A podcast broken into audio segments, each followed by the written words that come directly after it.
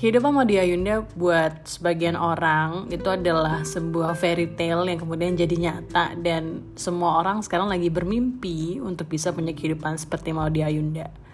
Tapi sebagian yang lainnya mungkin sekarang lagi bersedih, nangis, nggak mood ngapa-ngapain, membenci diri mereka sendiri karena mungkin merasa gagal banget sama kehidupannya.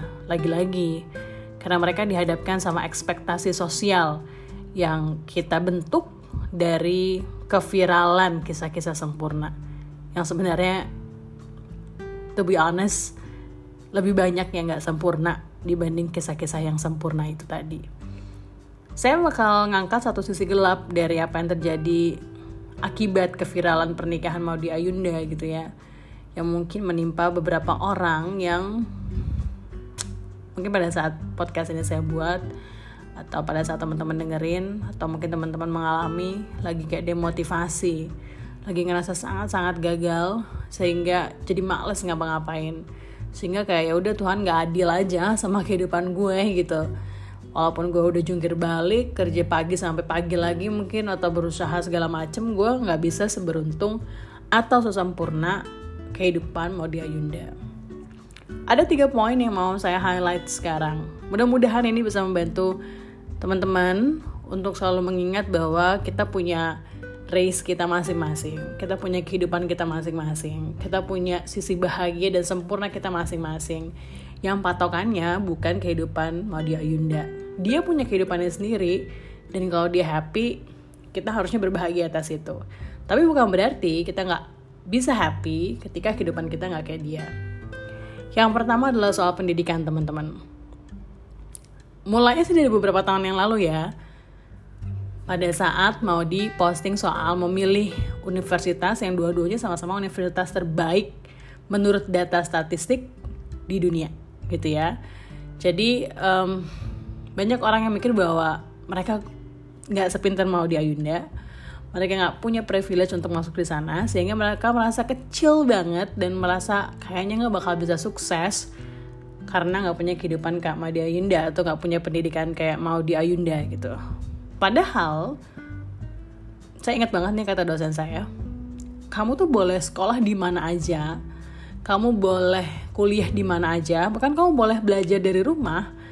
Yang membedakan kamu adalah kamu punya niat untuk mengolah rasa ingin tahu kamu menjadi sesuatu hal yang bermakna untuk kehidupan kamu.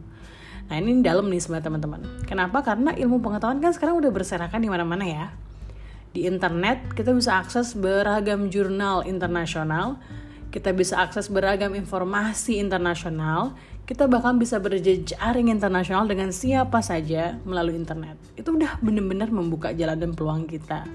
Itu kenapa juga sebenarnya sekolah, kampus itu kan cuma jadi fasilitas ya, penghubung. Tetapi ya balik lagi ke orangnya masing-masing di mana pun kalian sekolah dan uh, kuliah kalau kaliannya oke okay, bisa memfasilitasi rasa ingin tahu kalian saya rasa nggak akan ada yang namanya perbedaan atau gap yang cukup signifikan.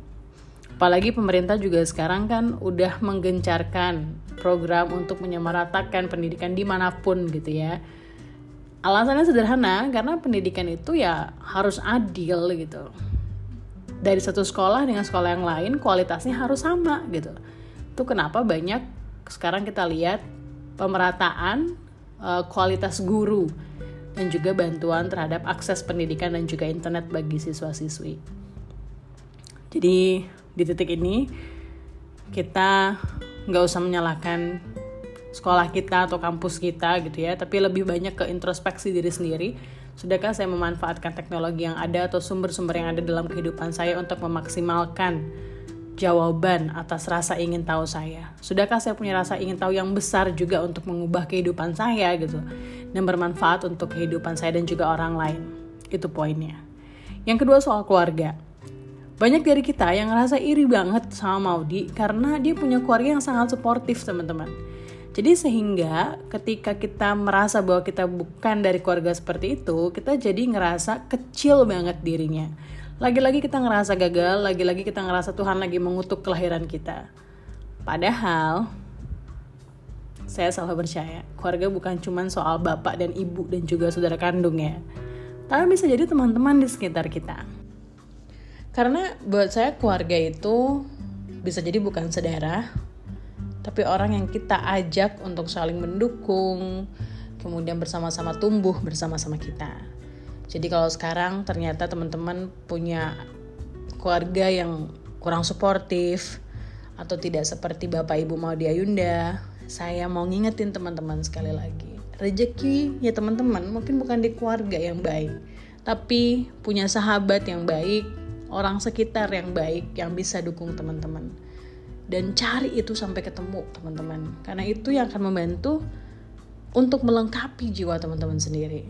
Jadi gak usah memaksa Tuhan untuk mengganti orang tua kita ya, tapi paksalah diri kita sendiri untuk mencari orang-orang di sekitar kita yang baik yang bisa bersama-sama saling mendukung untuk jadi lebih maju setiap harinya.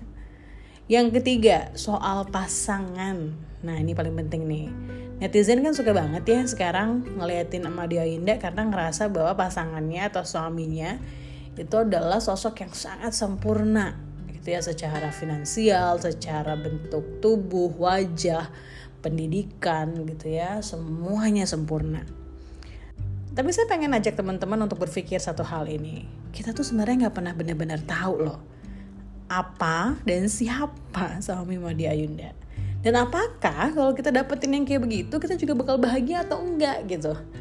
Karena saya yakin banget kebahagiaan ketika kita punya pasangan bukan cuma diukur dari hal-hal yang bisa kita lihat teman-teman.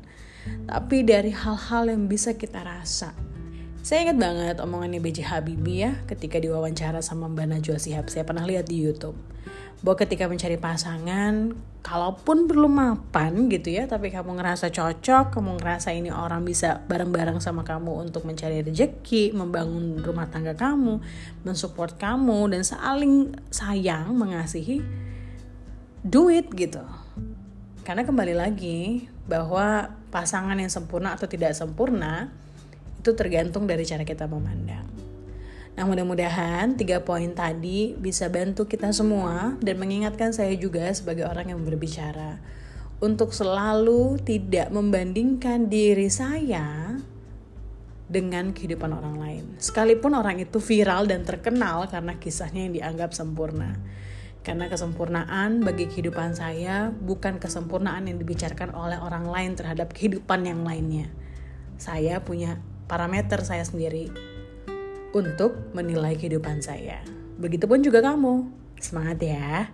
Intinya, kalau sekarang masih ngerasa nggak nyaman karena berita tentang Maudi Ayunda dan justru ngebuat kamu sedih, skip dulu aja. Atau minimal ditekan dan dikasih notifikasi di sosial medianya bahwa kamu tidak nyaman atau tidak ingin melihat konten-konten serupa. Jaga diri kamu sendiri dan carilah kebahagiaan kamu berawal dari diri kamu sendiri.